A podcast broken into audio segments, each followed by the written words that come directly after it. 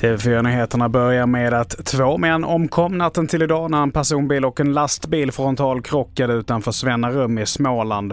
Det ska finnas flera vittnesuppgifter och polisen har inlett en förundersökning om grov vårdslöshet i trafik och vållande till annans död. Båda männen var i 55-årsåldern och var ensamma i bilarna. Vi fortsätter med att Sverige kommer att få det svårt att hantera en verklig kris. Det lär man nu flera av Sveriges främsta informatikexperter om. På den debatt så skriver de att Sverige har sämst förutsättningar i EU att dela på information mellan myndigheter. Och det här kan få allvarliga konsekvenser, till exempel om många ska evakueras över kommungränser eller pengar och mat ska fördelas till behövande. Och experterna vill nu att myndigheternas system ska standardiseras. Till sist, tre av fyra ungdomar som söker hjälp för att ha råd att spela fotboll i Stockholm har i år fått nej på sin ansökan. Behovet har varit så stort att pengarna redan nu är slut i Fotbollsförbundets ungdomsfond. Vi vet att det är spelare som har slutat på grund av att de inte har haft råd.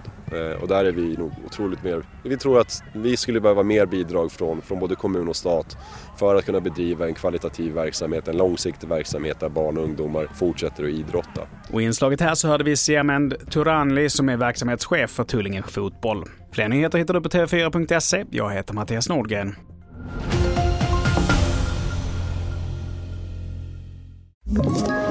Ett poddtips från Podplay. I fallen jag aldrig glömmer djupdyker Hasse Aro i arbetet bakom några av Sveriges mest uppseendeväckande brottsutredningar går vi in med hemlig telefonavlyssning och, och då upplever vi att vi får en total förändring av hans beteende. Vad är det som händer nu? Vem är det som läcker? Och så säger han att jag är kriminell, jag har varit kriminell i hela mitt liv men att mörda ett barn, där går min gräns. Nya säsongen av Fallen jag aldrig glömmer på Podplay.